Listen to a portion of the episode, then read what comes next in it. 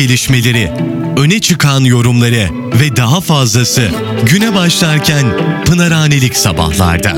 Ancak şimdiye kadar dinlediğiniz haberleri unutun. Ay bu nasıl bir gündem ya? Allah'ım sana geliyorum. Pınarhanelik sabahlarda sabah haberlerini daha önce hiç böyle duymadınız. İzmir ve Türkiye gündemine eleştirel ve esprili yaklaşımıyla Pınarhanelik sabahlar şimdi Radyo İzmir'de. Pınarhanelik sabahlar. Günaydın, günaydın, günaydın. 21 Eylül Salı bugün. Haftanın ikinci gününde yine bir Pınarhanelik sabahta sizlerle birlikteyiz sevgili dinleyiciler. Bugün de programımız e, çok dolu.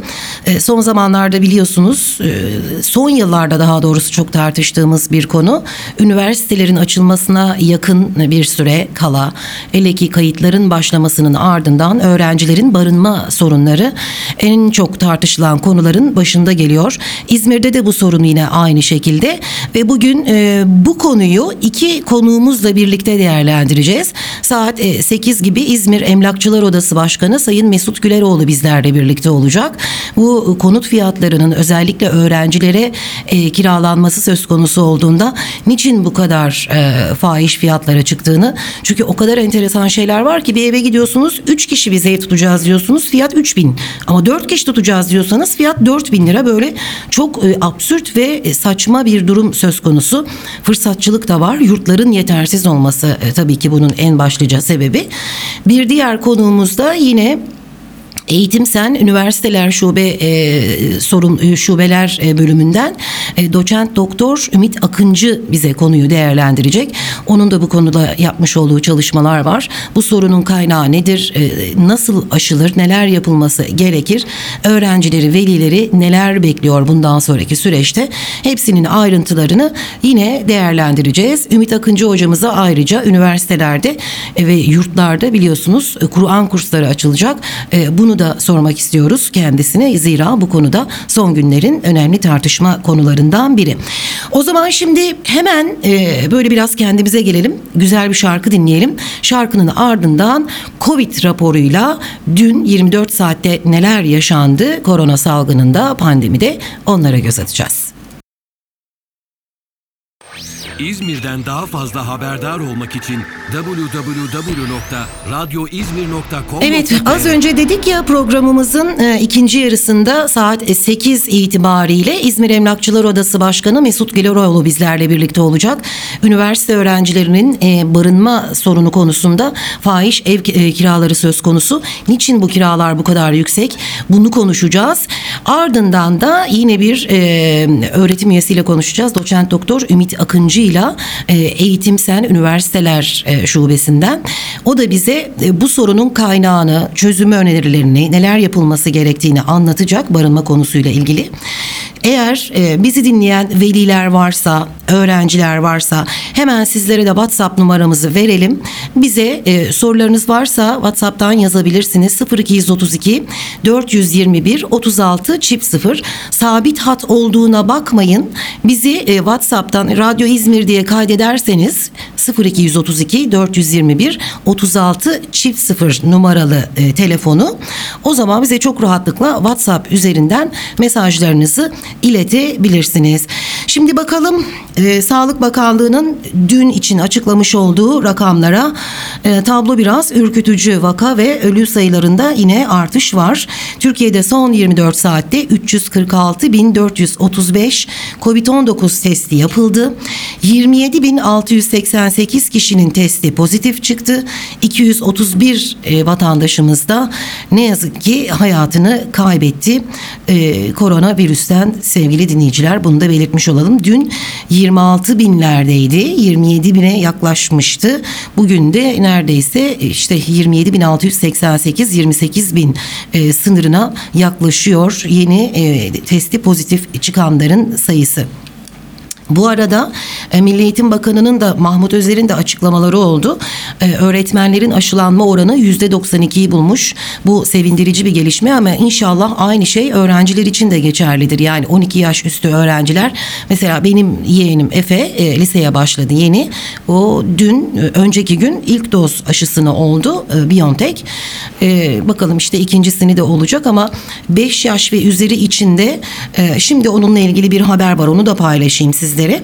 Amerikan ilaç, ilaç şirketi Pfizer'la Alman biyoteknoloji firması BioNTech COVID-19 aşılarının 5-11 yaş grubu çocuklarda güçlü bağışıklık tepkisi oluşturduğunu ve kullanım izni için en kısa sürede yetkili makamlara başvuracaklarını açıkladı.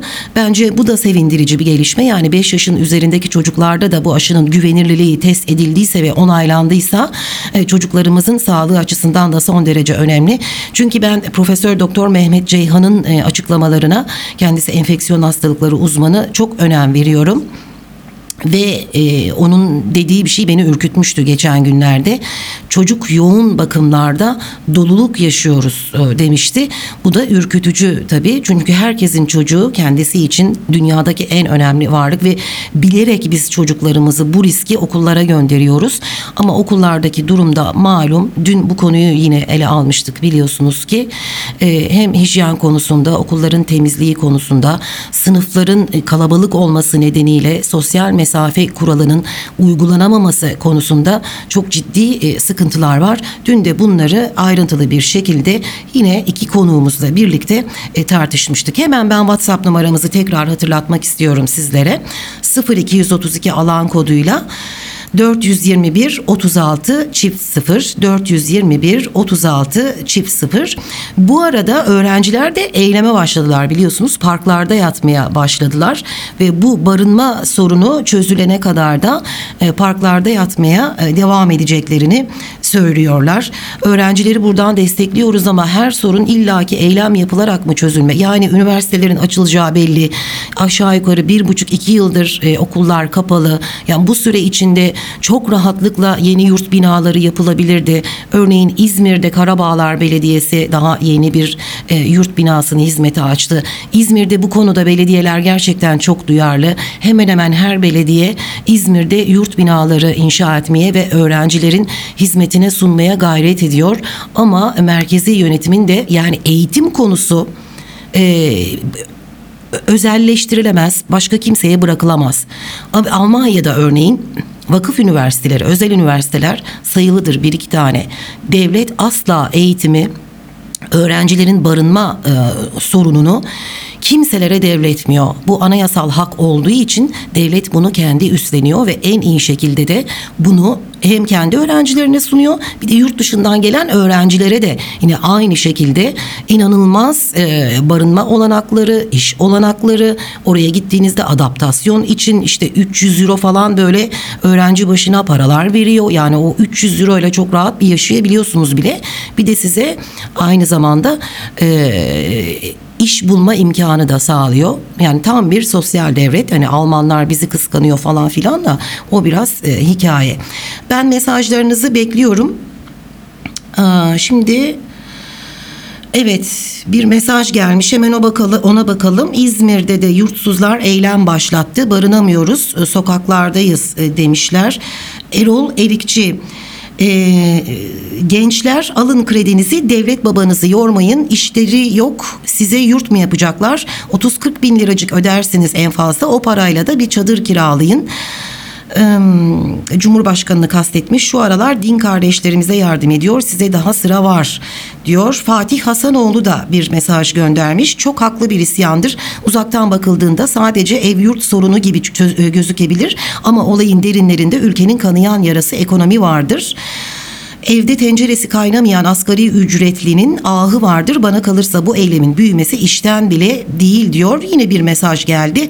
Şeval Yılmaz yapılmış her haklı ve ses getirme potansiyeli olan protesto gibi kısa süre içinde ortalıkta kimsenin tanımadığı elinde kırmızılı yeşilli don bezi bulunan 3-5 dallamanın belirlemesi akabinde topluca yenilen dayakla beraber son bulacak e, eylemdir. Aman hiç öyle düşünmeyelim yani e, son derece barış barışçıl bir eylem ve çocuklar anayasal hakları üniversite okumak için barınmak zorundalar ve maalesef öyle haberler görüyoruz ki ya açık öğretime gideceğim e, ya da bu ev barınma sorununu bir şekilde e, çözeceğiz diye hatta e, kaydını donduranlar üniversiteyi bırakmayı düşünenler bile var ne yazık ki o yüzden devletin buna bir an önce çözüm bulması gerekiyor.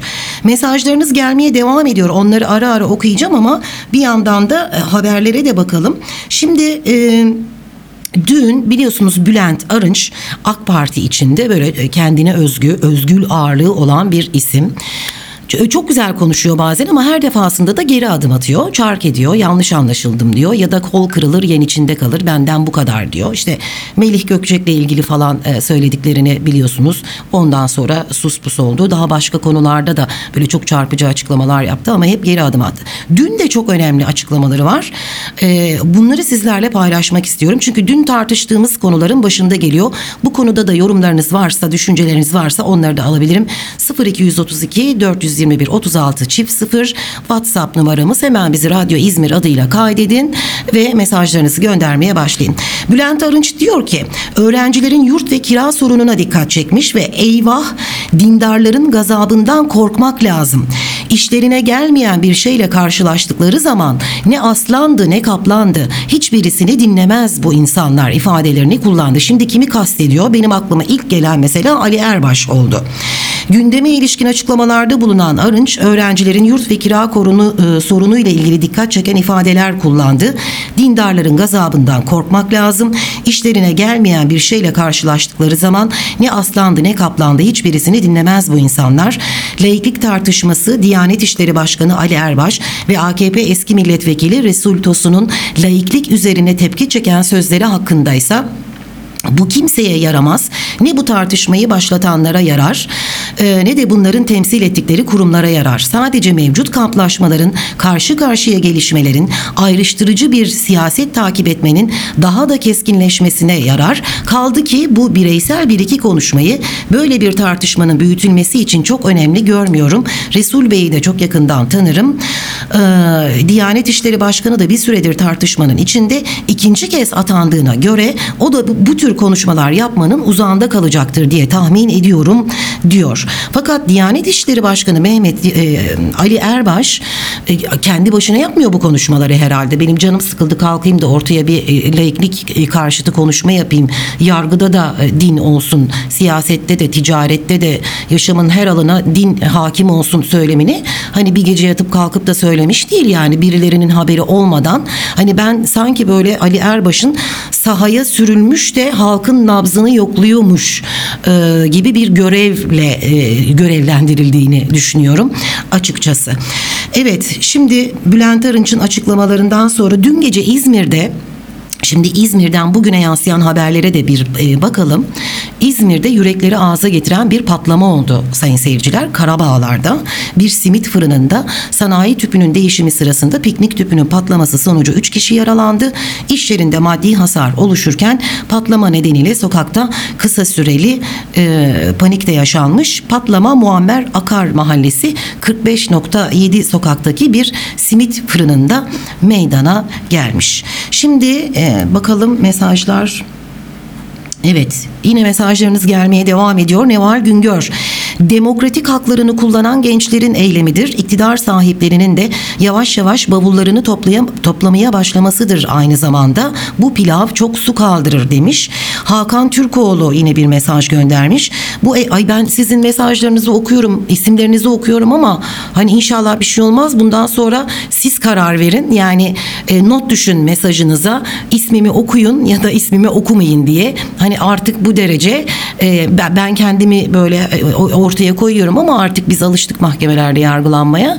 O yüzden hani te- tedirginliği olan varsa lütfen mesajının altına e, not düşsün. Benim ismimi okuyun ya da okumayın e, diye hani ben de o vicdanen o sorumluluğu yaşamak istemem açıkçası. Evet bu eylem çok ses getirir. Benden söylemesi polisler de bunu fark etmiş olacak ki hemen üşüşmüşler çocukların başına destek verilmesi gereken çocuklardır diyor. Elbette ki üniversiteli gençlerimizi bu anayasal haklarını kullanmada e, gösterdikleri kararlılığı e, sonuna kadar destekliyoruz. Bugün programımızın ikinci yarısında da bu konuyu üniversite gençliğinin e, barınma sorununu, ev kiralarındaki fahiş fiyatları enine boyuna hep birlikte tartışacağız. Şimdi e, Cumhurbaşkanı Erdoğan'ın bir açıklaması var fahiş fiyatlarla ilgili. E, aslında çok da böyle tuhaf oldu o. Yani kullandığı ifade e, çok kötü oldu. İşte hani ünü- göreve geldikleri günden bu yana hani 20 yıl gibi bir süreden bahsediyoruz. İşte 45 liracıktı dedi bizim üniversite öğrencilerine verdiğimiz burs. Elinize dilinize dursun. Şu anda bunlar 650 liraya çıktı. Nereden nereye geldik dedi. Erdoğan'ın açıklamaları sosyal medyada tepkiye yol açtı. Yani tabii ki artacak. Yani eğer göreve geldiğinizdeki rakamla bugünkü rakam aynı olsaydı sizlerin e, herhangi bir iktidarın bu AK Parti iktidarı olur, CHP'nin iktidarı olur, başka bir partinin iktidarı olur. Sizin oralarda bulunmanıza ne gerek var ki o zaman her şey yerinde sayacaksa? Enflasyona bakar mısınız? Yani TÜİK'in açıkladığı enflasyonla benim cebim aynı şeyi söylemiyor. Ayşe teyzenin kaynamayan tenceresi aynı şeyi söylemiyor. Elektrik faturasını ödeyemeyen Mahmut amcanın e, hesabı aynı şeyi söylemiyor. Aynı rakamları söylemiyor. O yüzden ama enflasyonu düşünün bir de o zaman da 45 liracıkla 45 liracıkla e, bir tane çeyrek altın alabiliyordunuz. Mesela şimdi onların da hemen ayrıntılarını paylaşalım sizle.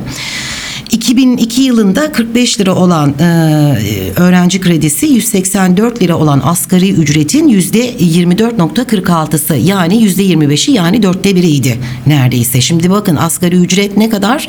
2800 2824 mi 54 mi öyle bir şey. Onun dörtte biri etmiyor şu anda 650 lira öğrenci kredisi. %23'ü durumundaymış.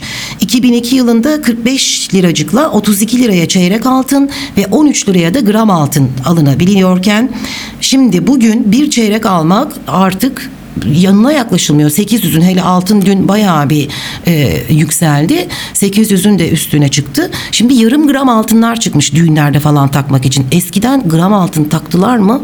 Ay bak ben ona çeyrek takmıştım. O bana gram altın takmış gördün mü?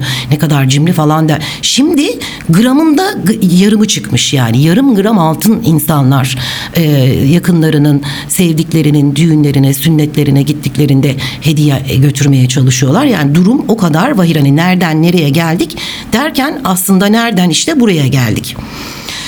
Ee, bu koşullar altında 2016 yılındaki KYK bursunun şu anki burstan neredeyse iki kat daha değerli olduğunu e, görmemek için ne olmak lazım? Ben buradan bunu söyleyemeyeceğim.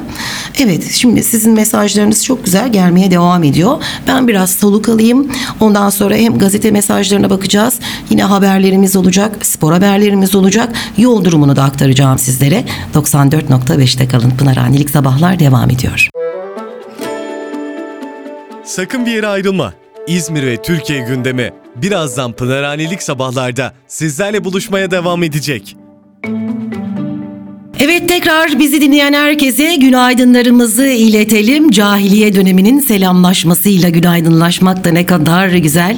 Sizlerin de bizlere günaydın dediğinizi duyar gibiyim. Mesajlarınızla bizlerle birliktesiniz. Hepinize çok teşekkür ediyorum. 0232 421 36 çift sıfırdan bizi kaydedin. WhatsApp üzerinden mesajlarınızı gönderin. Yine anneler, babalar özellikle üniversite sınavını kazanıp yeni üniversiteye başlayacak olanlar ya da hali hazırda üniversiteye devam edip barınma sorunu yaşayan öğrenciler e, mutlaka saat 8'den sonra bizimle olmaya gayret edin. Sorularınız varsa da barınma sorunu ile ilgili e, ne yaşıyorsanız e, mutlaka e, bize ulaştırmanızı bekliyoruz. Biz de konuklarımızla e, bu soruların da cevaplandırılmasını sağlamaya çalışalım. Şimdi yine İzmir'den haberlerle devam edelim.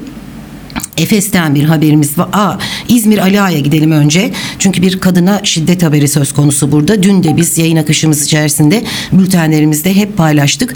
İzmir'in Ali Ağa ilçesinde iki çocuk annesi genç kadının çocuklarının gözü önünde kocası tarafından darp edilmesi an be an cep telefonu e, görüntülerine rastlar yansırken gözaltına alınan kişi e, çıkarıldığı mahkemece tutuklandı denmiş. Evet bu sevindirici e, tutuklanmış olması ama şu da çok önemli. Mahalleli aman bu işte karı koca arasında girilmez falan e, deyip de böyle e, kulak arkası yapmamış. Bütün mahalleli neredeyse sefer- seferber olmuşlar. Adamı bir güzel zapt etmişler. Kaçmasına izin vermemişler. Polisi de çağırmışlar. KADES aracılığıyla e, kadın destek birimine de haber vermişler ve e, adamı polise böyle bir güzel paketleyip teslim etmişler. Tabii bunun ne yazık ki sonu gelmiyor e, kadına şiddetin. Bunun da eğitimle anca e, çözülebileceğine de inanıyorum ben. E, özellikle annelerimizin erkek çocuklarını yetiştirirken aman benim paşam deyip böyle el üstünde hani her şeyi kadının arkasını topladığı böyle erkekler yetiştirmemekte büyük fayda var. Çünkü bunun hani parayla, pulla, fakirlikle, zenginlikle nice e, nice böyle kelli felli iş adamları olsun, me- meslek sahipleri olsun, eşlerini, e, e, kız arkadaşlarını döven maalesef okumuş aydın insanlar da var. Bunun böyle aile içinde eğitim ve çocukların bu konuda bilinçlendirilmesi daha çok küçük yaştan itibaren, kreşlerden itibaren çocuklara bu şekilde bir eğitimin verilmesiyle işte İstanbul Sözleşmesi'nden de şak dediler çıktık.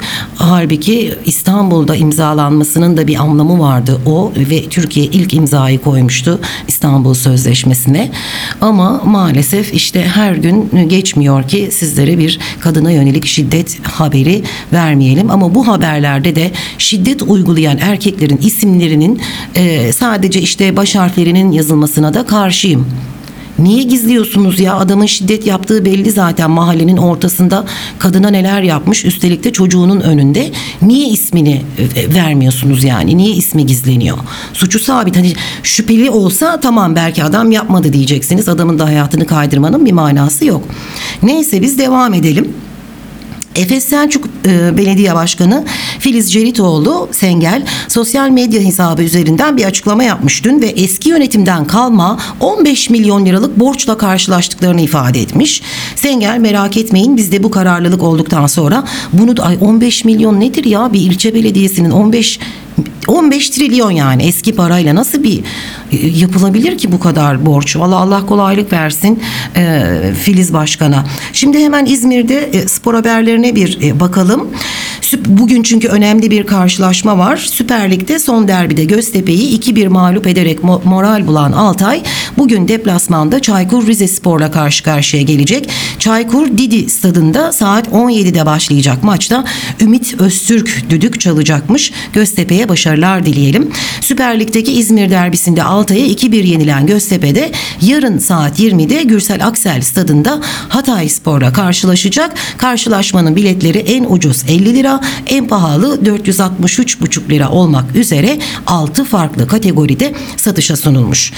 Türkiye Futbol Federasyonu 1. liginde evinde 74 dakika 10 kişi oynadığı Ege derbisinde Denizli Spor'u 1-0 geriden gelip uzatmada bulduğu golle 2-1 mağlup eden Altın Ordu da zoru başarıp taraftarını sevince boğarken yeniden düşme hattından kurtulmayı da başarmış Altın Ordu'yu da tebrik ediyoruz.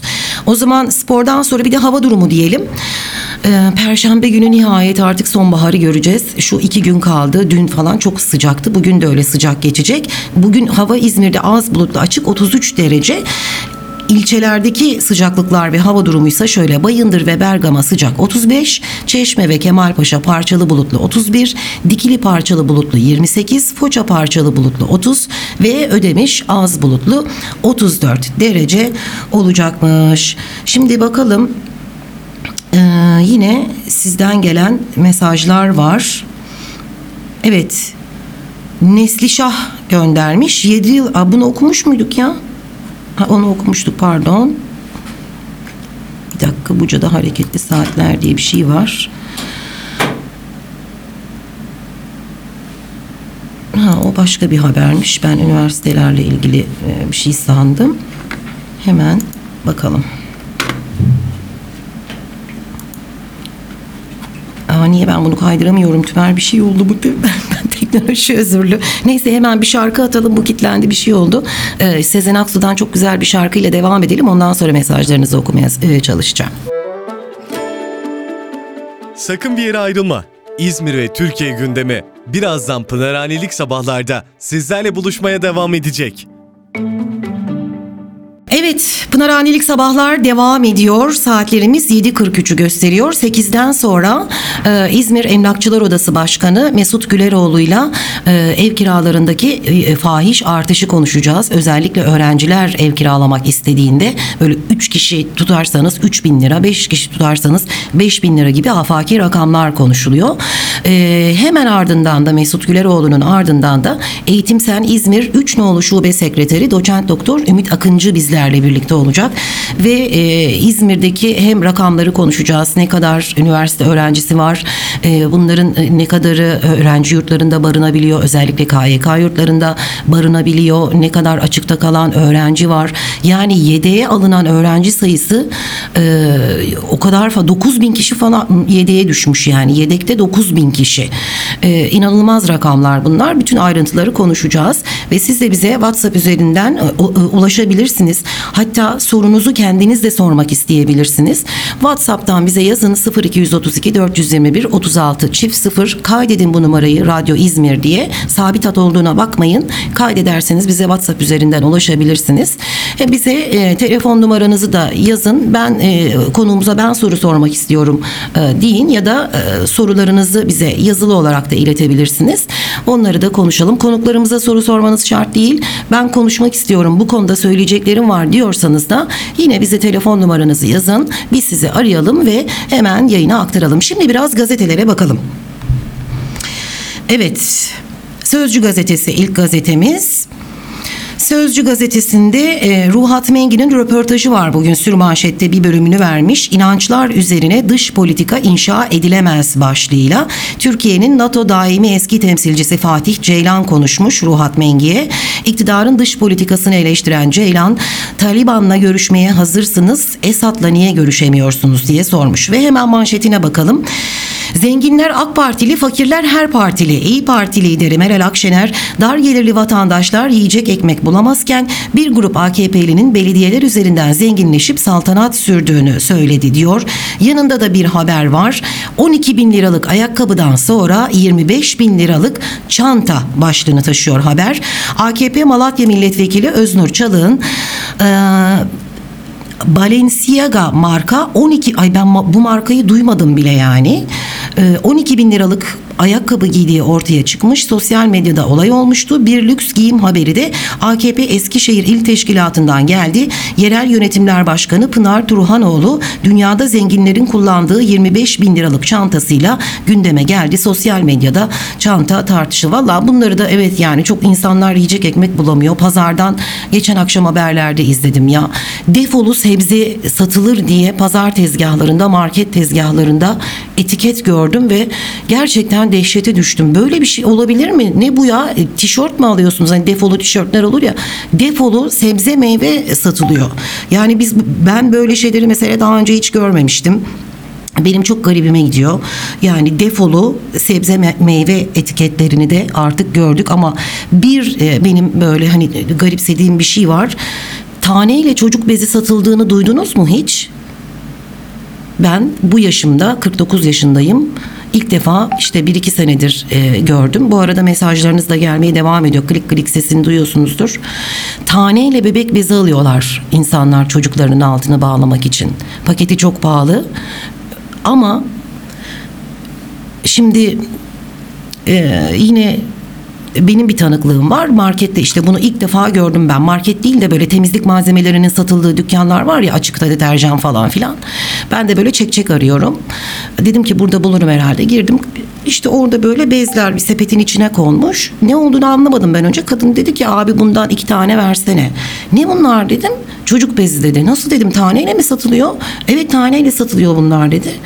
Allah Allah dedim yani ne kadar dedim bunun tarihi? Vallahi şimdi çok hatırlamıyorum. Geçen sene falandı. Ama 3-5 lira yani gene de çok ucuz bir şey değil yani. Dedim ki yani artık hani dilimle karpuz satılır falan onu gördük de e, ama dedim hani hiç çocuk bezi duymamıştım bugüne kadar taneyle satıldığını. E, böyle genç bir anne ondan sonra e, dedim siz hep böyle mi alıyorsunuz? Taneyle mi alıyorsunuz çocuk bezini? Evet abla dedi yok dedi yani eşim çalışmıyor dedi. Benim de bebeğim var temizliğe de gidemiyorum artık dedi. O yüzden dedi mecbur e, bir tane bağlıyorum bez dedi akşama kadar bir tane de gece sabaha kadar. Allah Allah dedim ne hale geldi Türkiye ya dedim niye öyle diyorsun abla dedi. Niye dedim sen dedim şimdi kimin sayesinde oldu bu böyle?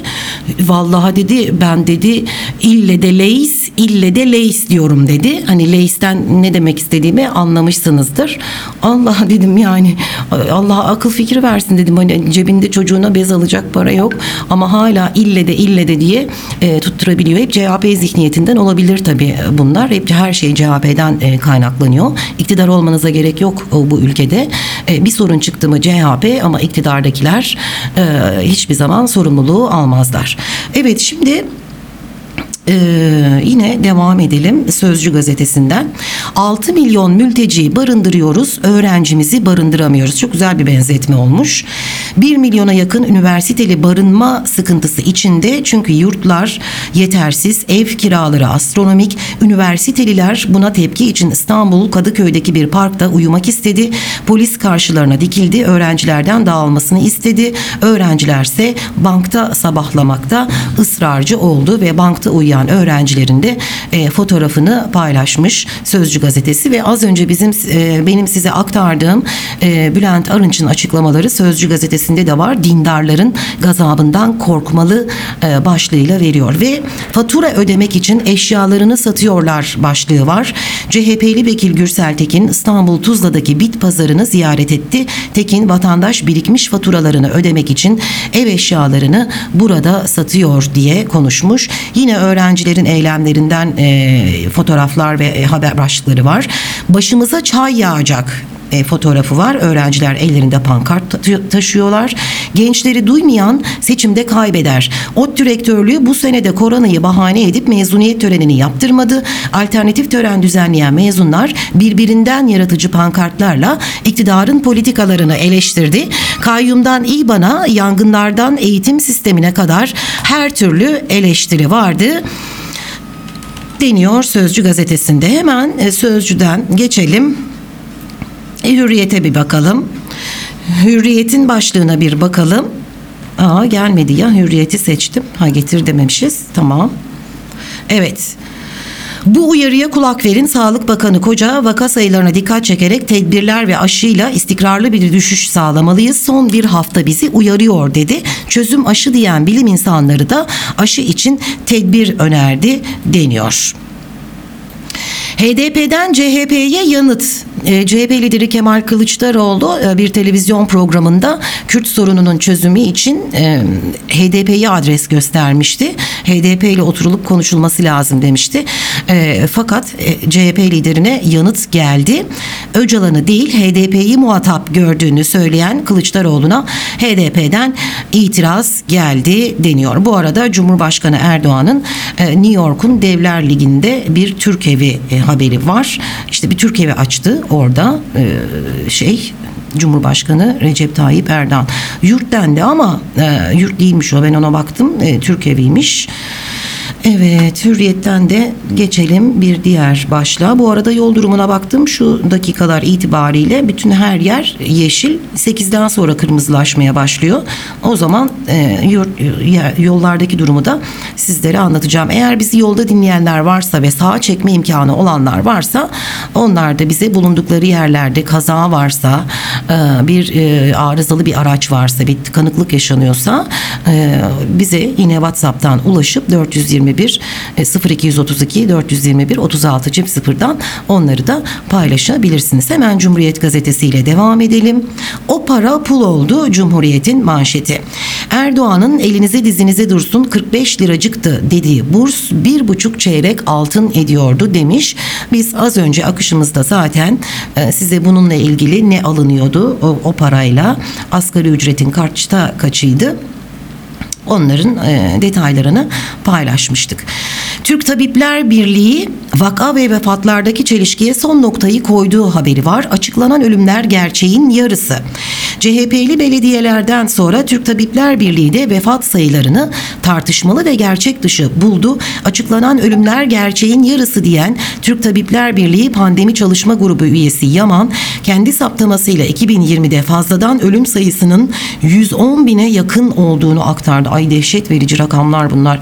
Hakikaten böyle mi? Hani seneler sonra mı öğreneceğiz biz aslında şu kadar oldu, şu kadar insan öldü koronavirüsten diye.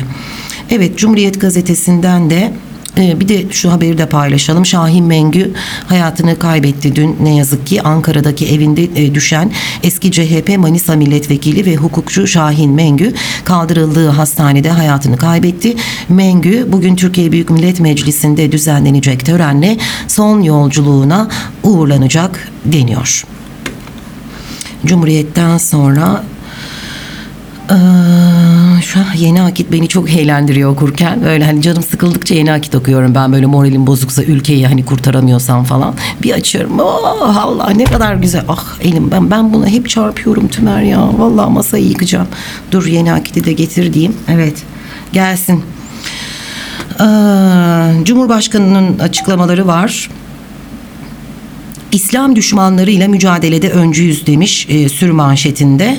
Birleşmiş Milletler'in 76. Genel Kurulu'na katılmak üzere Amerika'ya giden Erdoğan, Türk-Amerikan Ulusal Yönlendirme Komitesi'nin düzenlediği konferansta adalet ve insanlık dersi vermiş. Dünyada Covid sürecinde aşı adaletsizliği yaşandığını vurgulayan Erdoğan, Batı'da kanser gibi yayılan İslamofobi ile ilgili olarak da İslam düşmanlığıyla mücadelede öncü ülke olmaya devam edeceğiz demiş. Şimdi Akit'in manşeti de şu CHP HDP'nin kuklası oldu diye. CHP Genel Başkanı Kılıçdaroğlu'nun sözde Kürt sorununun çözümü için HDP'yi meşru bir orda, organ olarak görebileceğini açıklamasının ardından HDP eski eş başkanı Sezai Temelli de demokratik çözümün adresi ve asıl muhatap İmralı'dır paylaşımıyla bebek katili Öcalan'ı işaret etti. E, buradan çözüm sürecinde böyle durmadan İmralı'ya gidiyordu yani insanlar e, sürekli. Üstelik devletin de haberi vardı. Dolmabahçe'de biliyorsunuz böyle karşılıklı fotoğraflar verildi.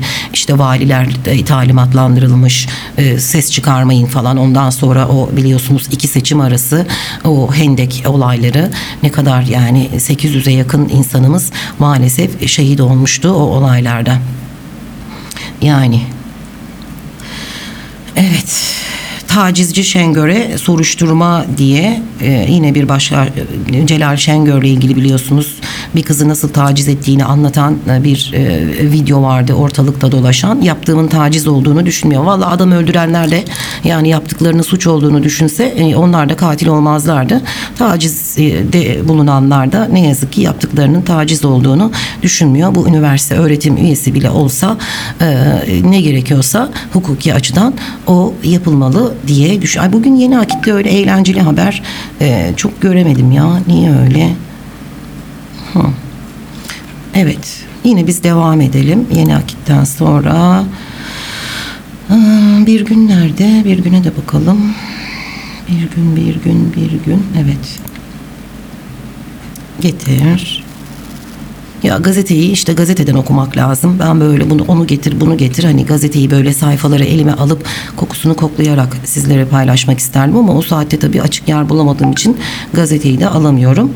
Evet bir gün şahsına özel fahiş harcama manşeti var.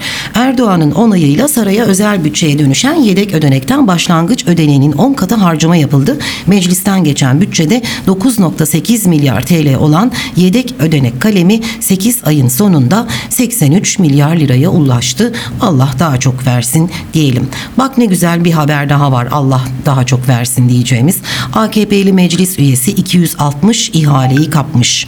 İstanbul Büyükşehir Belediyesi meclis üyesi ve TÜGVA yöneticisi Ömer Faruk Akbulut'un birçok AKP'li belediye ile kamu kurumundan 7 yıl boyunca toplam 260 ihale aldığı ortaya çıktı. Akbulut'un aldığı ihalelerin bedeli ise yaklaşık 370 milyar lirayı buluyormuş. Bakalım başka. Yurt haberlerine e, e, yer vermiş yine Cumhuriyet şey Bir Gün gazetesi de artmadı azaldı. Erdoğan yüksek öğretimdeki yurt sorununa yönelik abartılacak bir sorun yok dese de Gençlik ve Spor Bakanlığı'nın verileri olumsuz tabloyu ortaya koydu. Bakanlığın Kredi ve Yurtlar Genel Müdürlüğü'ne bağlı yurtların kapasitesini azalttığı ortaya çıktı. 2021 yılında 698.289 kapasiteyle giren devlet yurtlarının kapasitesi Temmuz 2021 itibariyle 696.966'ya geriledi. Üniversite öğrencilerinin sadece %8'i bakın ne kadar acı ya. Sadece %8'i. Ve bu böyle olunca %8'lerde olunca bu şimdi böyle. Bir de biliyorsunuz biz bir 15 Temmuz'u yaşadık ve 15 Temmuz'u kimlerin yaptığını da biliyoruz. FETÖ'cülerin. Ve bu FETÖ'cülerin o zamanlar işte ışık evlerinde, yurtlarında çocuklar barındı ve seneler sonra da onlar tepemize bomba yağdıran e, askerler olarak karşımıza dikildiler ne yazık ki. O yüzden de bu devlet bu sorumluluğunu başka kimsenin üstüne atmamalı. Özelleştirilmeye yani eğer özel e, vakıf ünivers e, vakıf yurtlarına kaydırılmak için e, böyle e, az sayıda tutuluyorsa yurtlar bunun vebalini ileride yine maalesef çok acı bir şekilde ödeyebiliriz. Saatimiz e, 8 olmuş. Gazete manşetlerini şimdilik burada sona erdirelim. Sizlerden de e, gelen e, mesajlar var mı? E, evet, var. Bir dakika yurtlarla ilgili mi? Yok. Mesela Eda demiş ki Türk toplumu öfke kontrolü eğitimi verilmesiyle başlanması gereken bir süreçtir. Daha sonra kadınlara erkeklere meydan okuması gerektiği, erkeklere de kendinden zayıflara karşı güç kullanmaması gerektiği öğretilmeli ve düzenli olarak hatırlatılmalıdır. Ayrıca ayrılma, boşanma gibi süreçlerin dinde bile var olduğu, herkesin başına gelebileceği anlatılmalıdır. Bunların yanı sıra iş yeri, iş yerleri yılda bir personelin psikolojik e, personelinden psikolojik durum raporu istemelidir demiş. Necip artık bu kadar da olmaz dedirten bir durum bu. Hani e, Balenciaga marka ayakkabı giymiş geziyor. E, Edep yahu demiş mesajında. Haluk ne yapsaydı? Kinetix mi giyseydi? Koskoca cihan devletinin vekilinin karısı Müslümanlığa terstir ters demiş. Behçet bir tarafta açlık ve yoksulluk varken diğer tarafta lüks ve şatafat varsa burada bir sorun var demektir diyor. Şadiye de e, tamam normaldir ama fotoda normal olmayan bir şey var ki o da hepsinin bir helikoptere binmesidir. Normalde kişi başı bir helikopter tahsis edilebilirdi. Ekonomi gerçekten kötüye gidiyor galiba demiş. Bir anne olarak isyan sebebim yuh arkadaş yuh demiş. Geçen ay 104 liraya aldım prima 5 beden 150 adet bebek bezini. Demin e-bebek site- aman reklam oldu. Bezleri incelerken şok oldum. E, 112 adet bebek bezi 144.90 lira 145 liraymış. Aldığım zam kuş kadar şu piyasaya bakıp utanıyorum. Vallahi rezillik demiş. Siyasi bir yorum yapmak istemiyorum. Sadece şunu söyleyebilirim. Biz yanmışız. Fahri de bir mesaj göndermiş. New York'ta 300 milyon dolarlık gökdelen yaparak an itibariyle açılışını yapan Tayyip Erdoğan tarafından sarf edilen bir söz. Biz Türk evini açarak New York New York'un silüetini silüetine tarihi ve geleneksel mimarimizin zerafetini yansıtmışız. Diyor şimdi fotoğrafını e, hatırlayamadım, çıkaramadım nasıl bir mimarisi var. Ee, bilemedim o yüzden. Eee İTÜ öğrencileri yine Celal Şengör'ü protesto etti diye bir izleyicimiz, e, dinleyicimiz mesaj göndermiş. Çok güzel mesajlarınızla bizlere eşlik ediyorsunuz. Birazdan e, üniversite öğrencilerinin barınma sorununu konuşacağız. 400 e, 0232 alan koduyla 421 36 çift sıfırı Radyo İzmir olarak kaydedin telefonunuza. WhatsApp üzerinden bizimle rahatlıkla iletişime geçebilirsiniz. Şimdi çok güzel bir şarkı geliyor. Koray Aydın'dan yine eskilerin böyle çok sevdiği bir şarkıdır bu. Hangimiz sevmedik diyeceğiz. Sonrasında buradayız. Sakın bir yere ayrılma.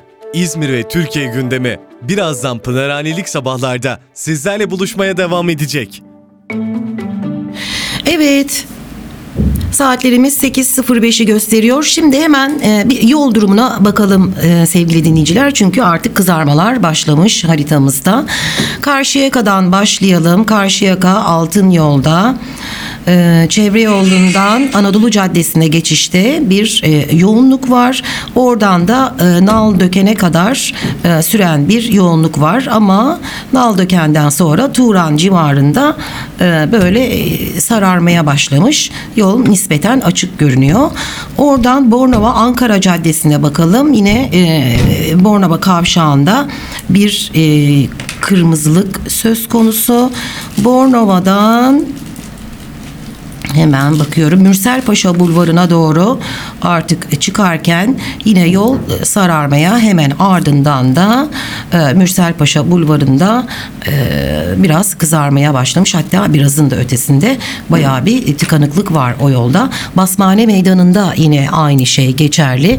Basmane Meydanı'ndan da Basmane Garı'na e, çıkarken e, sola dönerken orada bir e, yoğunluk söz konusu. Gaziler Caddesi'nde nispeten böyle yer yer kırmızılıklar var. Yer yer bir yoğunluk yaşanıyor. Hemen onun dışında bakalım Başka başka valla iki gündür maşallah yani bu haritalarda bir tuhaflık yoktur diye tahmin ediyorum. Gayet şey görünüyor. İzmir trafiği e, açık bana herhalde ters bir durum bu. Ben ne zaman böyle mesainin yoğun olmasını tahmin ettiğim zamanlarda trafiğe çıkarsam illaki bir kazaya denk geliyorum. Mesela bakın İnkılab'ın orada yine Karabağlar'da böyle hafif bir e, şey var. Yeşildere Caddesi'nde e, evet Yeşildere Caddesi'nde Hilal'den itibaren Yeşildere Caddesi boyunca yoğun bir e, trafik gözlemleniyor. E, Buca tarafına bakalım yine çevre yolunda e, 9 Eylül Üniversitesi Tınaztepe yerleşkesi civarına kadar o çevre yolunda da yine bir e, tıkanıklık söz konusu. Evet birazdan e, telefon bağlantımızı gerçekleştireceğiz. İzmir Emlakçılar Odası Başkanı Sayın e, Mesut Güleroğlu bizlerle birlikte olacak ve e, programımızın başında sizlere söylemiştik. Türkiye'de şu son zamanlarda en çok tartışılan konuların e, başında geliyor üniversite öğrencilerinin barınma e, konusu ev kiralarında fahiş bir artış var. E, bunun nedenini soracağız. E, fırsatçılar mı var? E, ev sahipleri de özellikle tabii iki senedir üniversitelerde kapalı olduğu için evlerini kiraya veremediler. Hani ondan mı böyle bir şey oluyor? Hani ev sahiplerini de çok böyle sebepsiz yere de suçlamak istemiyorum ama bu e, yüksek fiyatların kaynağını soracağız birazdan e, İzmir Emlakçılar Odası Başkanı'na. Hemen ardından da Yine bu konuyu konuşacağız. Üniversite öğrencilerinin barınma sorunu nereden kaynaklanıyor? Çözümü ne olmalı? Ee, İzmir'de durum nedir? Bunların ayrıntılarını da Eğitim İş, e, Eğitim Sen e, İzmir 3 Nolu Şube Sekreteri Doçent Doktor e, Sayın Ümit Akıncı'dan alacağız. Tümer telefonlarımız hazır mı? Tamam alayım ben. Evet Mesut Güleroğlu şimdi hattımızda olacak. Dur bakalım. Evet. Yol durumunu tekrar gireceğiz sizlere ama şu an dediğim gibi hani belli başlı. Alo. Sayın Alo. Güleroğlu günaydın. Günaydın, günaydın. İyi sabahlar diliyorum. Sağ olun. Herkese iyi sabahlar, iyi yayınlar diliyorum. Çok teşekkür ediyoruz. Sayın Güleroğlu şimdi tüm Türkiye'nin gündeminde olan e, konuyu konuşacağız. Üniversite öğrencilerinin barınma sonu, e, sorunu, e, yüksek e, kira artışları. Şimdi öğrenciler eylem yapmaya da başladılar. E, parklarda, banklarda e, sabahlamaya başladılar ve bu sorun bir an önce çözülmesini istiyorlar. Hem öğrenciler hem de velileri. Şimdi öyle enteresan durumlar var ki e, mesela bizim yakın çevremden de geldi bana bu. Bu konuyu konuşacağımızı öğrenince. İşte biz gidiyoruz ev e, kiralamaya. Üç kişi mi tutacaksınız? Kaç kişi tutacaksınız diye soruyorlar. Üç kişi tutacaksak 3 bin lira, beş kişi tutacaksak 5 bin lira gibi bir rakam çıkıyor diye. Gerçek mi bu ya? Ee, şimdi öncelikle şunu söyleyeyim. Ee, malum tabii öğrencilerin yüz yüze eğitimi başlamasıyla ciddi bir öğrenci akını geldi. Bundan yaklaşık bir buçuk iki sene önce bu öğrenciler de aynı zamanda oturdukları evleri hemen boşaltıp pandemi sürecinde boş kaldı. Yani yaklaşık bir yıla yakın bu evler hemen hemen boş kaldı. Ne zamana kadar? Deprem olduğun zamana kadar. Evet. Depremde bir yıkıcı bir deprem yaşadığımız için maalesef İzmir'de e, insanlar evlerini boşaltıp haliyle daha küçük geçici olarak barınma yerleri olan 1 artı 1 ve 2 artı 1 evleri tercih ettiler. Ka- Kaldı ki sonuç itibariyle çalışmalarda da e, o pandemi sürecinde yeni konutlar üretilmedi. Hem bu yeni konutların üretilmemesi hem de öğrencilerin aynı anda gelmesi, depremzedelerin de bu evlerde oturması e, biliyorsunuz bir de göç alıyoruz. Afgan, Irak, İran buradan da gelen göçler var. Bu insanların da barınma ihtiyaçları olması sebebiyle öğrencilerin şeyi işi tetikledi. Çünkü gelen öğrenciler okumak için geliyorlar, ihtiyaçları var. Ya başka illerden geliyorlar ve burada oturmak zorundalar. Şimdi bunu ben de yaşıyorum. Ofisimde 2000 liraya kiraya verilen bir yerde 3 öğrenciyi gördüğünde 1000 lira fazlalaştırıyorlar ve biz zaten bu konuda sıkıntı yaşıyoruz. Yani gerçekten bu olaylar oluyor ve görüyoruz ve üzülüyoruz. Yani bu çocuklar bizim çocuklarımız. Buna karşı peki ne yapmak lazım? Yani bir hani denetim mekanizması mı oluşturması lazım? Hani tamamen ev sahibinin inisiyatifine mi bırakmak lazım? Çünkü Bunlar şu an Hanım, yani yaşanan şimdi çok... bunun için denetim mekanizması çok e, işleyeceğini sanmıyorum. Şimdi marketlerde denetim mekanizması işleyebilir. Getir dersin faturanı kaç paraya aldın, e, kaç paraya e, satıyorsun, etiket fiyatlarıyla karşılaştırırsın. Aradaki farkları düşürebilme şansınız var. Ama burada kişi birebir sizsiniz. Yani ev sahibi sizsiniz. Karşınızda da bir kiracı var. Yani iki kişinin kendi arasındaki anlaşmaya usulen hareket ediliyor. Bakınız 2000 senesinde böyle bir durum oldu. Kira artışlarına yani e, 2000 yılında 99-2000 yılında Ecevit hükümeti vardı. Mesut Yılmaz'la bir koalisyon kurulmuştu. İyi hatırlıyorum. 98-99'un yani 91 yılından 99 yılına kadar kira artışları %65 ile %95 arasındaydı. Düşünebiliyor musunuz? Evet. Yani şimdi %10 dediğim zaman hop oturup hop kalkıyoruz. O tarihlerde bu enflasyon oranına göre bu muhasebe vardı. Ama bir de bugün şöyle bir durum var. Az önce siz de izah ettiniz. İşte bir, bir deprem yaşandı. Depremde evini barkını kaybeden, iş yerlerini kaybeden insanlar oldu. Bu insanların çocukları üniversiteye gidiyor. Pandemide yine hani biz hep e, pandeminin e, sağlık boyutunu konuşuyoruz. Ekonomik boyutu da çok önemli. Çünkü Tabii. yine işten çıkarılan, anne baba aynı anda işten çıkarılan ama çocukları okuyan insanlar var. Şimdi Evet. hani alım gücü de düştü. Enflasyon malum, hayat pahalılığı malum. Hani üstüne bir de bu %10'luk artış e, tabii bize çok şey geliyor. Yani çok Evet. yüksek geliyor. Evet, izniniz olursa konuyu bitirmek istiyorum. Çünkü hükümet o tarihte şöyle bir karar aldı. Dedi ki kira artışları 2000 yılında %25, 2001 yılında %15'e düşürülecektir. Şimdi böyle bir karar aldı ve bu hükümet bunu uygulamaya koydu. O tarihte biliyorsunuz sadece Anayasa Mahkemesi'ne dava açma yetkisi ana muhalefet partilerindeydi. Ee, o tarihte Cumhuriyet Halk Partisi Deniz Baykal aracılığıyla Anayasa Mahkemesi'ne bir dava açtı. Bu %25 ile %15'lik olan kira artışlarına bir e, sınırlama getiremezsiniz dendi. Çünkü anayasanın özlük haklarına göre, anayasanın maddelerin özlük haklarına göre kişilerin menkul ve men, gayrimenkul değerleri üzerinde hükümetler hiçbir yaptırımda bulunamaz diyor.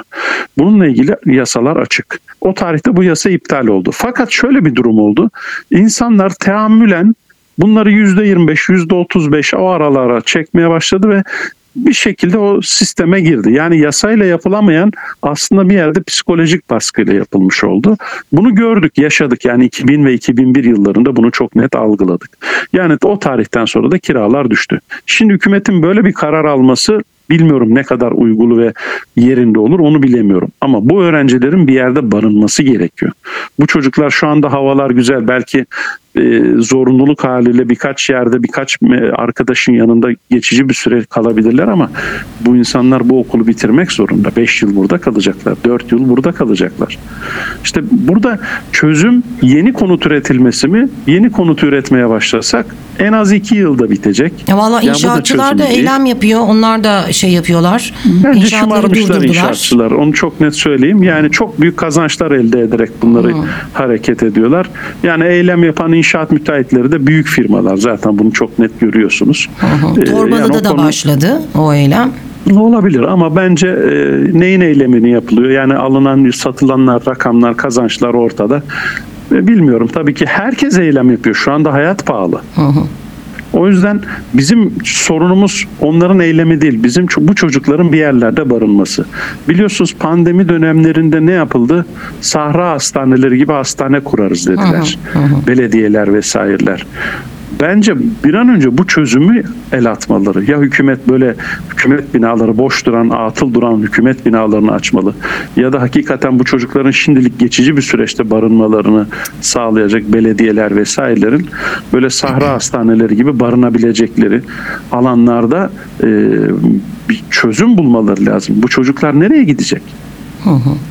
Ya okulu bırakmayı düşünenler bile var yani kaydını Yani siz olsanız durumunuz yoksa ne yaparsınız yani? Burada barınamıyorsanız, barınamadınız, kiraya ödeyebileceğiniz bir ev bulama, bulamıyorsanız, e, bir yakınınız, bir akrabanız o ilde yoksa ne yapabilirsiniz yani? Zaten bizim Allah'tan böyle bir hani aile yapımız var. Akrabalarımızla düşkünlüğümüz var. Ee, hani yurt dışında belki bunu çok göremiyoruz ama hani biz birbirimize sahip çıkan e, insanları zaten toplumsal bir takım olayların önüne de bizim bu e, herhalde e, geleneklerimiz, e, adetlerimiz önüne geçiyor diye düşünüyorum. Yine sahip çıkanlar oluyor yakınlarına ama tabii ki en başta yapılması Nereye gereken kadar? herhalde yurt sayısının arttırılması Yani ve kaç tane öğrenciye sahip çıkacaklar ki? Burada Şirince'de gördük. Daha önce insanlar evlerini pansiyon haline getirdiler. Çok da keyifli oldu. Sonra İzmir'e sıçradı bu. Nerede görüyoruz bunu? Kahramanlar bölgesinde görüyoruz. Biliyorsunuz o hastanelerde yatan kalp, Evet, e, evet. mikro cerrahi falan vesaire gibi özel dal hastanelerin olduğu bölge kahramanlarda insanlar ne yaptı? Oteller çok pahalı olduğu için başkalarının o eve yakın, otele yakın, özür dilerim, e, hastaneye yakın e, evlerde barınma ihtiyacına girdiler ve insanlar orada pansiyon adı altında vergi işletmeleri aldı. Evlerinin bir odalarını bu insanlara açtı. Yani bir şekilde bunun da bir çözüm olabileceğini düşünüyorum. Bu da bir çözüm olabilir. Mesela Buca, Ama palyatif çözümler işte bunlar. Hı hı. Evet Dediğiniz yani gibi. ama yani bu geçici bir süreç. Yani bu çocuklar ne yapacak şimdi? O yüzden ilgili hükümetimizin, belediyelerin, sahra hastaneleri gibi bu çocukların barınabilecekleri devlete de ait ya da belediyelere ait e, boş duran tesislerin bir an önce e, yatakhane vesaire gibi bölümler haline getirmesi bence bir öneri olabilir. Çünkü başka türlü bu sorunu aşamayacağız gibi görünüyor. Peki e, siz şimdi çok muhatap oluyorsunuz e, bunlarla. Sizin Buca'da da bir ofisiniz var değil mi? Var, Buca evet. zaten Hı hı. üniversite e, ilçesi. Nelerle karşılaştınız örneğin öğrencilerle ya da velileriyle Vallahi yaşadınız? Yani her şeyle karşılaşıyoruz. Yani oraya gelip gözyaşı döken öğrencileri görüyorum. içim parçalanıyor. Yani yardım etmek istiyorum ama elimde kiralık daire yok. Şimdi ben 32 senedir orada aynı işi yapıyorum. Emlakçıyım. 32 yıldır bu öğrencilere ev verdim. Ama 32 senede böyle bir sıkıntı hiç yaşamadım. Aa. Evet her dönem konuşuyorduk bu üniversite öğrencilerinin barınma sorununu. Fakat bu sene çok evet çok can yakıcı boyuta ulaştı. Yani üzülüyorsunuz. Yani keşke elimizden bir imkan gelse de bir şeyler yapabilsek. Hani e, biz de bir şeyler yapmaya çalışıyoruz ama elden ne gelebilir ki bireysel olarak? Hı hı. Ama dediğiniz çok doğru. Yani devlet e, kurumlarının yani örneğin hani Diyanet'in biliyoruz elinde in- inanılmaz mülkler var mesela. E, onlar e, öğrencilerin kullanımına e, açılabilir. Yine başka devlet kurumlarının da mutlaka misafirhaneleri, bir takım böyle atıl duran binaları var. Onlar e, bir an önce hizmete açılmalı diye düşünüyorum ve size katılıyorum. Son olarak söylemek istedikleriniz varsa onu da e, alalım. E, Valla şu anda söyleyebileceklerim bunlar. Yani sonuç itibariyle gerçekten üzülüyoruz. Bence insanların biraz daha gerçi her ne kadar pandemi koşulu olsa da evlerinin bir odalarını bir öğrencilere açmaları bile bir öneridir bence. İnşallah faydalı kısa sürede bu çocukların işleri e, çözülür diye düşünüyorum. Hı hı. İzmir bir de dünyada en çok e, ev fiyatları en çok artan e, ülke oldu dünya şey Doğru. il oldu dünyada. Doğru. Bunun sebebi peki hem pandemi hem deprem mi? Ee, Şimdi pandemide zaten bunu yaşadık. Depremde de binalar yıkıldı, yeni de yenileri yapılıyor. Tabii bunlar yeni bir maliyetle oluşuyor. Bakınız geçen sene demirin tonu 3 bin liraydı, şimdi 8 bin lira. Yani yüzde 110 artmış. Ee, kaldı ki e, yeni konutlar üretilmiyor. Ama bizim İzmir'imizin biraz daha farklı bir boyutu var. Biliyorsunuz Çeşme, Alaçatı, Urla. Evet, her yere çok Buralar yakın. inanılmaz derecede rakamlar yükseldi. Yani bizim bundan iki sene önce 300 bin liraya 400 bin liraya sattığımız evler şu anda 2 milyon lira civarında konuşuluyor. İşte o yüzden pahalılık biz Türkiye'de birinci geliyor. Çünkü sayfiye yerleri olanlar herkes kendi evine gitti ama baktılar ki deprem ve pandemi ya biz hayat şartlarımızı değiştirelim dediler. Birçok kişi bahçeli ev, müstakil eve taşınma hissi duydu. Yani bunu çok net söyleyebilirim. E, TOKİ'nin arsaları satıldı bundan iki ay önce. Çeşme Ilıca'da 22 milyon muammen bedelle bir arsa satıldı. Oh. Daha doğrusu satışa konuldu özür diliyorum. O gün akşamı saat 1 saat sonra satış bitti. 77 milyon TL'ye satıldı arsa. Düşünebiliyor musunuz? 3 katı, 3,5 katı. Yani siz bir arsanın değeri burası 22 milyon yapar diyorsunuz. Devletsiniz, ihale açıyorsunuz. 77 milyon liraya satılıyor Ya ihale. TOKİ'de niye çeşmeden arsa alır? TOKİ dar gelirli vatandaşa. Hayır, hani- TOKİ'lere devredildi ya buradaki Ha, arsalar ha, vesaire. ha, ha. Onların satışları TOKİ Ha, üzerinden anladım. yapılıyor. Hı, hı, hı. Ve onlar da diyorlar ki buranın değeri işte 22 milyon. Buyurun yani fiyat nasıl artmasın? Evet. Yani bizim Çeşme ve Alaçatı bugün Bodrum'un önüne geçmeye başladı. Evet. Tabii ki evet. buradaki rakamlar Bizim çok Foça bile yükseldi. öyle oldu. Ben de işte yaz kış Foça'da haklısınız. yaşıyorum. Yani siz de oradan bir ev aldınız. Aldığınız tarihteki evle şu anki alacağınız iki ev alabilirsiniz tabii, yani. Tabii tabii inanılmaz arttı ama işte insanlar özellikle bu depremden sonra can korkusuyla yani yüksek yüksek binalarda yaşamaktansa alçak katlı daha güvenli olduklarına inandıkları yerlerde yaşamayı tercih ediyorlar. E Tabii yaşam alanları değişti. Yaşam koşulları, yaşam şartları değişti maalesef. Evet. Ee, Sayın Güleroğlu çok teşekkür ediyorum Ben teşekkür programımıza ederim. katıldığınız için, değerlendirmeleriniz için. Ee, görüşmek üzere tekrar. Sağ olun, İyi çalışmalar diliyorum. Teşekkür ederim. Evet İzmir Emlakçılar Odası Başkanı Sayın Mesut Güleroğlu bizimle birlikteydi ve üniversite öğrencilerinin e, barınma e, konusunda e, yüksek fahiş kiraların e, neden gerçekleştiğini sorduk kendisine. E, o da bize anlattı ve e, neler yaşadığını da nelerle karşılaştığını da anlattı ve önerisi de oldu. Hani devletin bir şekilde ya e, seyyar belki prefabrik bir e, yapılanmayla öğrenci yurtları kurarak bu çocukların barınma sorununa mutlaka çare bulması gerekir dedi. Şimdi birazdan bir kısa ara vereceğiz. Bir müzik dinleyelim. Hemen ardından da İzmir Eğitim Sen 3 Nolu Şube Sekreteri Doçent Doktor Ümit Akıncı bizlerle birlikte olacak. Sakın bir yere ayrılma. İzmir ve Türkiye gündemi birazdan Pınarhanelik sabahlarda sizlerle buluşmaya devam edecek. Evet saatlerimiz 8.33'ü gösteriyor. Pınarhanelik sabahların yavaş yavaş sonuna geliyoruz. Yine bir e, konuğumuz var programımızda. Eğitim Sen İzmir 3 Nolu Şube Sekreteri Doçent Doktor Ümit Akıncı bizlerle birlikte olacak. Üniversite öğrencilerinin barınma konusunu ele alacağız yine. Sayın Akıncı günaydın efendim iyi sabahlar. Teşekkür ediyoruz ama ben sizin sesinizi çok az duyuyorum. Arkadaşım hemen onu e, bir halletmeye çalışacak. Tekrar e, sesinizi duyabilir miyim? Yayınlar. İyi yayınlar diliyoruz. Çok teşekkür ederim. Evet, sabah biz İzmir Emlakçılar Odası Başkanı Sayın Mesut Güleroğlu'yla da e, bu konuyu konuştuk. E, onun da bir takım önerileri oldu. Şimdi öğrenciler eyleme de başladılar. E, parklarda yatmaya başladılar. E, İzmir'de durum nedir? E, siz ne söylemek istersiniz öğrencilerin e, barınma konusuyla ilgili? Ee, şimdi e, İzmir'de durum aslında hani Türkiye'nin üç tane büyük ilinde yoğunlaşmış durumda e, hepimizin bildiği gibi üniversiteler. E, ve İzmir'deki durumda hani İstanbul ve Ankara'daki durumdan ve hatta diğer illerdeki durumdan çok farklı değil. Yani bu dönem özellikle bu dönem pandemiyle beraber artan sorunların getirdiği de bir şey bu.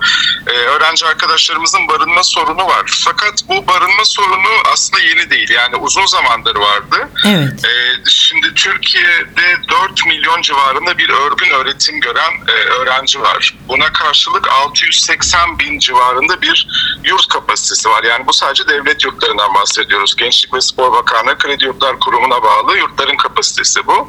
E, dolayısıyla hani kabaca 6-7 öğrenciye bir e, barınma hizmeti düşecek şekilde bir dağılım var. Şimdi İzmir'de de İzmir'de büyük bir kent biliyorsunuz. 170 bin tane öğrenci var İzmir'de, üniversite öğrencisi aktif olarak. Ee, İzmir'de de yurt kapasitesi 10 öğrenciye bir öğrenci düşecek şekilde. Yani yeterli bir yurt kapasitesi yok. Devlet barınma hizmetini sağlama konusunda birazcık geri noktada kaldı.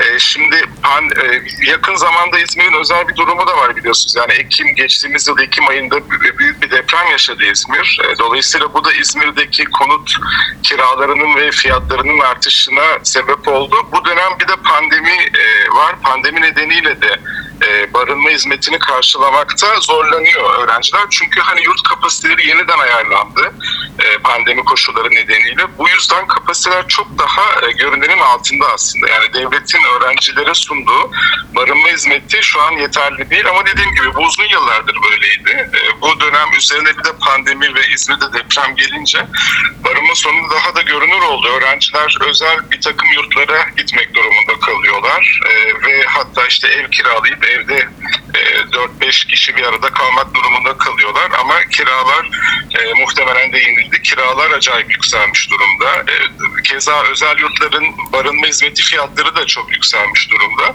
E, dolayısıyla hani devlet yeteri kadar e, barınma hizmeti sağlayamadığı için öğrencilere bu sorun bu dönem karşımıza daha da görünür olarak çıktı. Peki ne yapılması lazım? Yani bu yurtsa işte Cumhurbaşkanı Erdoğan da diyor ki hani abartılacak bir şey yok. E, gelince hani döndükten sonra New York'tan bu konuya el atacağız diyor. Yüksek e, ev kiraları ile ilgili.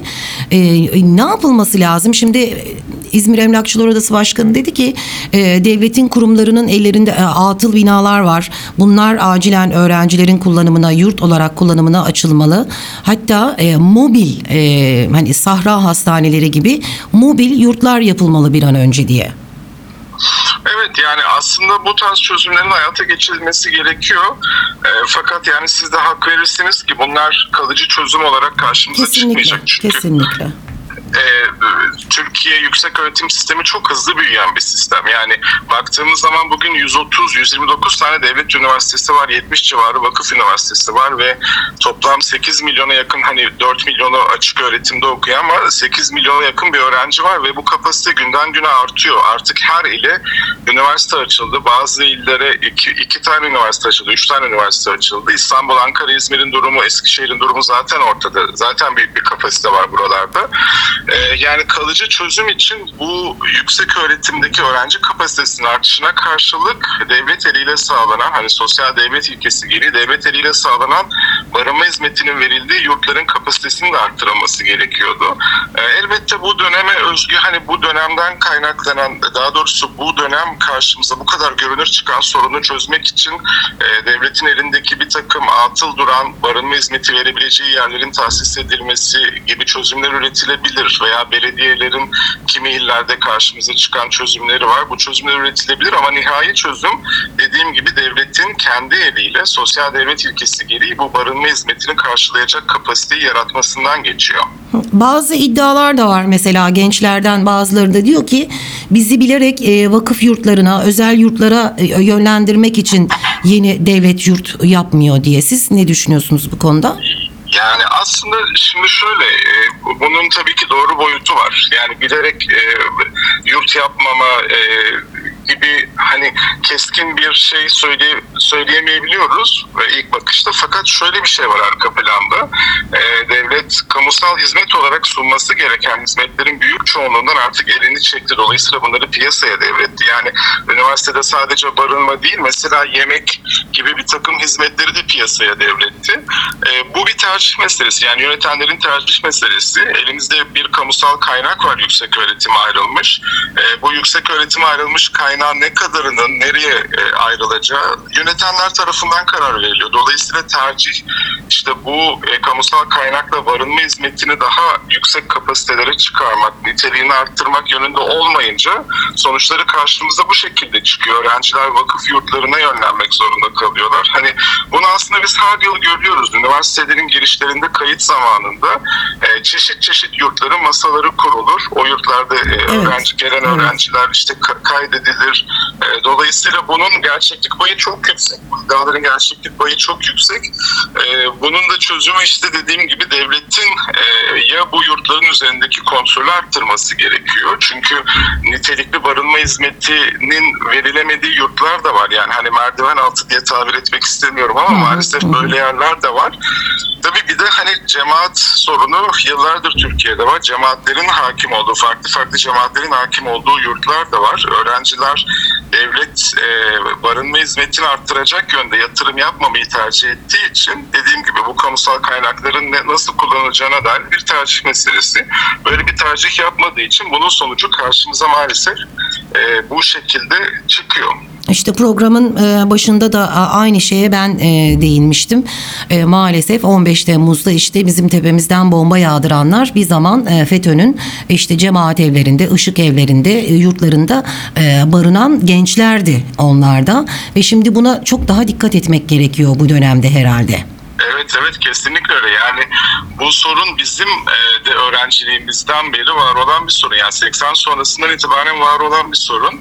İşte böyle trajik bir takım şeyler yaşandığı zaman ancak herkesin gözünde görünür oluyor. Ama yıllardır bunu Türkiye'deki aydın çevreler sol çevreler zaten söylüyor. Yani bu cemaat yapılanmalarının üniversite yurtlarından tutun çeşitli kamusal alanlara kadar nerelerde olduğunu, bunun nelere yol açabileceğini zaten yıllarca söylüyordu Türkiye'nin aydın kesimleri.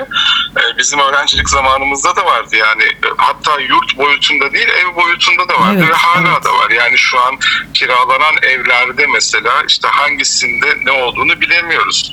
Dışarıdan baktığınızda öğrencilerin barınma hizmetini giderdiği bir yer olarak görünüyor ama biraz incelediğinizde çeşitli cemaatlerle bağlantılarının olduğunu, o cemaatler tarafından fonlandığını, dolayısıyla bu cemaatlerin e, ideolojisi yönünde davranan bireyler yetiştirmek gibi bir amaçları olduğunu e, görüyoruz. Maalesef bu sorun hala devam ediyor. Yani 15 Temmuz gibi bir e, faciayı yaşadığımız halde hala bu sorun karşımızda durmakta. Ee, Sayın Akıncı şunu da sormak istiyorum size e, e, süremizin sonunda. E, Diyanet İşleri'nin bir açıklaması oldu geçtiğimiz günlerde. Üniversitelerde e, ve yurtlarda e, Kur'an kursları açacaklarmış. Şimdi bu konuyu biz dün e, çok konuştuk programda. E, bunun ben çok e, tehlikeli düşünüyorum. Yani Kur'an kurslarının üniversitelerde ve e, yurtlarda e, devreye girmesiyle birlikte bu kurslara gidenlerle gitmeyenler arasında, bu kursları destekleyenlerle desteklemeyenler arasında, öğretim üyeleri, hocalar arasında böyle bir karşıtlık da meydana getirmez mi? Bu karşıt bir ortamın oluşmasına e, meydan vermez mi? Evet kesinlikle buna yol açacak. Şimdi zaten bir süredir e, hepimiz takip ediyoruz. Yani Türkiye'deki bütün üniversite kampüslerine e, camiler yapıldı. Hala da yapılmaya devam ediliyor. Kimi kampüslerde iki tane cami var. E, kimisinde tek cami var. Böyle ihtişamlı, görkemli bir takım camiler bir kampüse yaklaştığımızda ilk dikkatimizi çeken yerler olarak pardon karşımıza çıkıyor.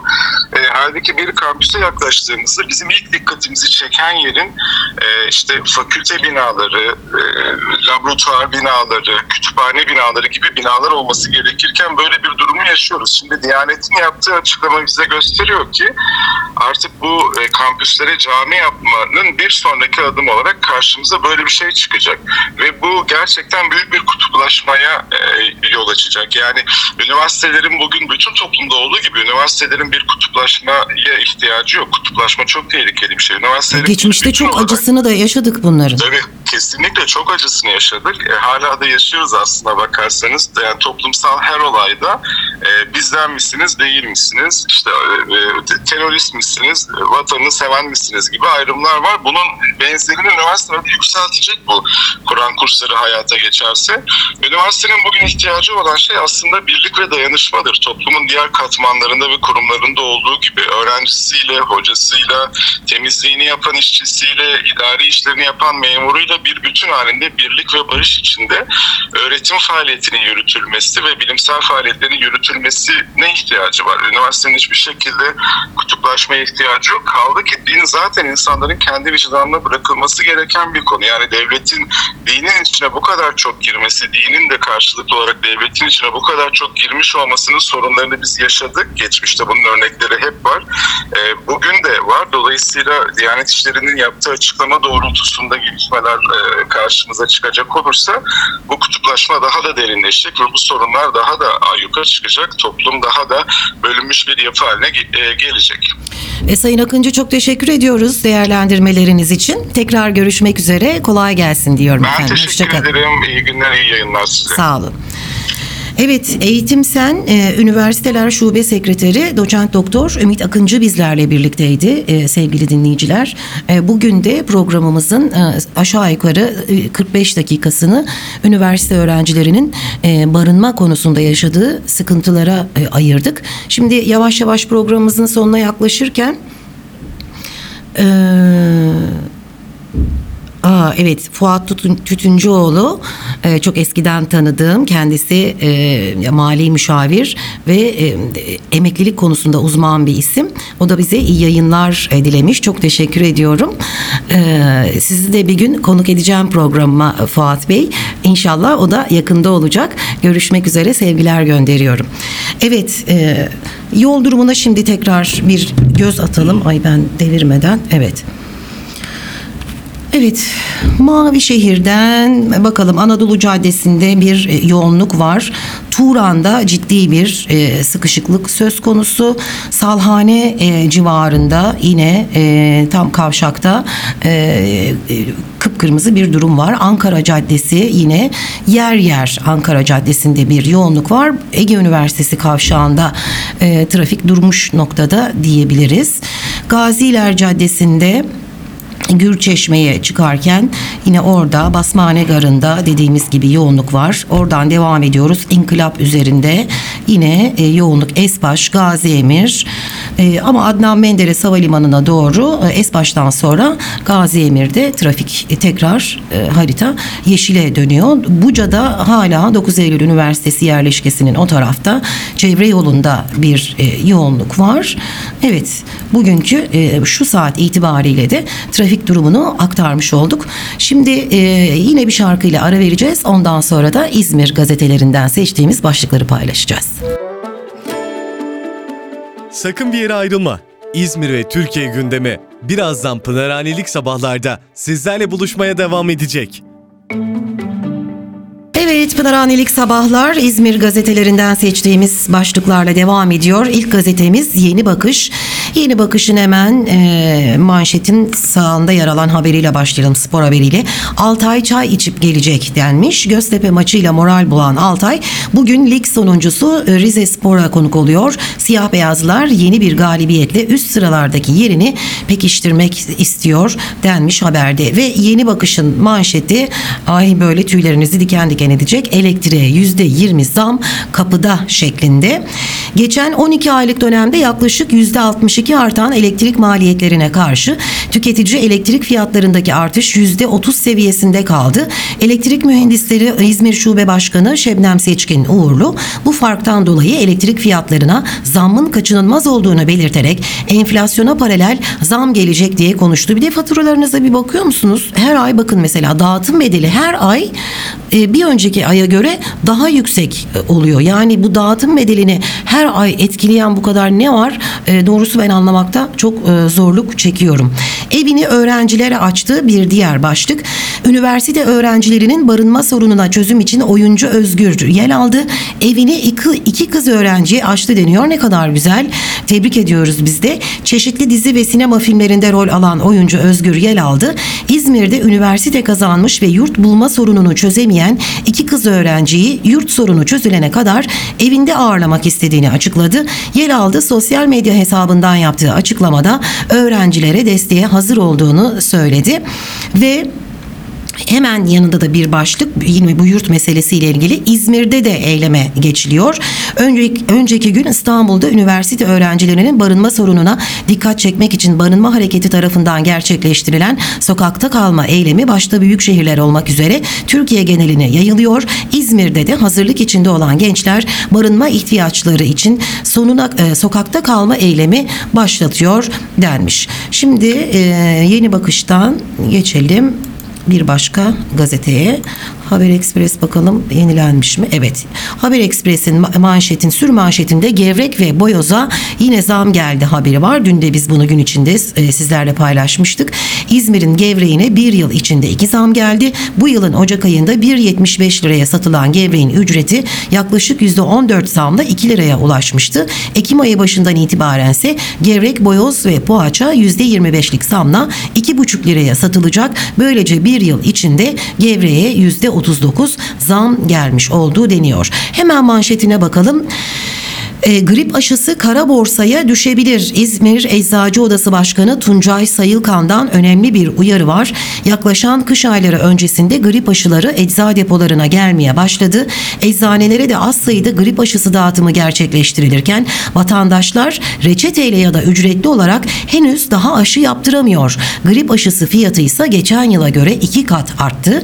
Koronavirüsün de etkisiyle her geçen gün talebin arttığı grip aşısıyla ilgili İzmir Eczacılar Odası Başkanı Tuncay Sayılkan'dan ciddi uyarılar geldi deniyor ve beyaz et için de zam sinyali haberi var.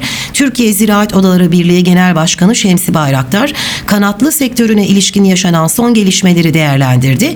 Fiyatların üretici lehine revize edilmesi gerektiğini söyleyen Bayraktar, üreticilerin bu fiyatlarla kış geçirmesi mümkün görünmemektedir. Ocak ayı beklenmeden fiyatlar acilen üretici lehine revize edilmeli. Üretici lehine revize edilmesinden ben indirim anlıyorum ama haberin başlığı beyaz et için zam sinyali. Onu da e, anlayamadım. Yine önemli bir başlık var. Teslimatlar 30 Ekim'de İzmir'de geçen yıl meydana gelen ve büyük yıkıma neden olan depremin ardından yapımına başlanan 7 proje alanındaki inşaatlarda sona yaklaşıldı. Çevre ve Şehircilik İl Müdürü Ömer Albayrak depremin yıl dönümü olan 30 Ekim'de konutların teslim edilmeye başlanacağını açıkladı deniyor. Yine devam edelim. Hmm, Yeni Gün gazetesine bakalım. Çiftçi kazancını toprağa gördü. Özel haberle çıkmış manşete.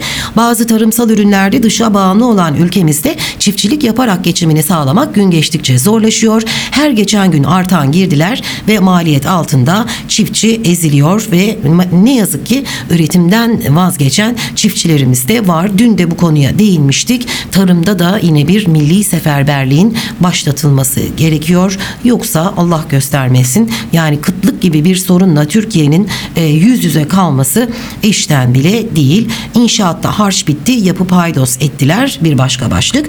İzmir çimento firmalarının son dönemde çimentoya %85, demire %137, betona ise %97 yapılan zamlar inşaat sektörünün tepkisine neden oldu. Demir, çimento ve hazır betona gelen zamlar üzerine Torbalı Ticaret Odası İnşaat Komitesi ilçede 15 gün boyunca projeleri durdurma kararı aldı deniyor. Ve geldik programımızın da sonuna. Pınarhanelik sabahlarda bugün burada sona erdi. Yarın haftanın tam ortasında saatler sabahın 7'sini gösterdiğinde tekrar birlikte olmayı umuyoruz. Ve hepinize mesajlarınızla bizlerle birlikte olduğunuz için de çok teşekkür ediyoruz. Çok da güzel bir şarkıyla veda edeceğiz şimdi. Hangisiydi Tümer? Ha Nilüfer Nilüfer. Nilüfer ara sıra bazı bazı diyeceğiz. Ama biz her sabah sizlerle birlikte olmaya devam edeceğiz. Hoşçakalın. İzmir ve Türkiye gündemiyle Pınarhanelik Sabahlar Radyo İzmir'de sizlerleydi. Pınarhanelik Sabahlar hafta içi her gün saat 7'de Radyo İzmir'de.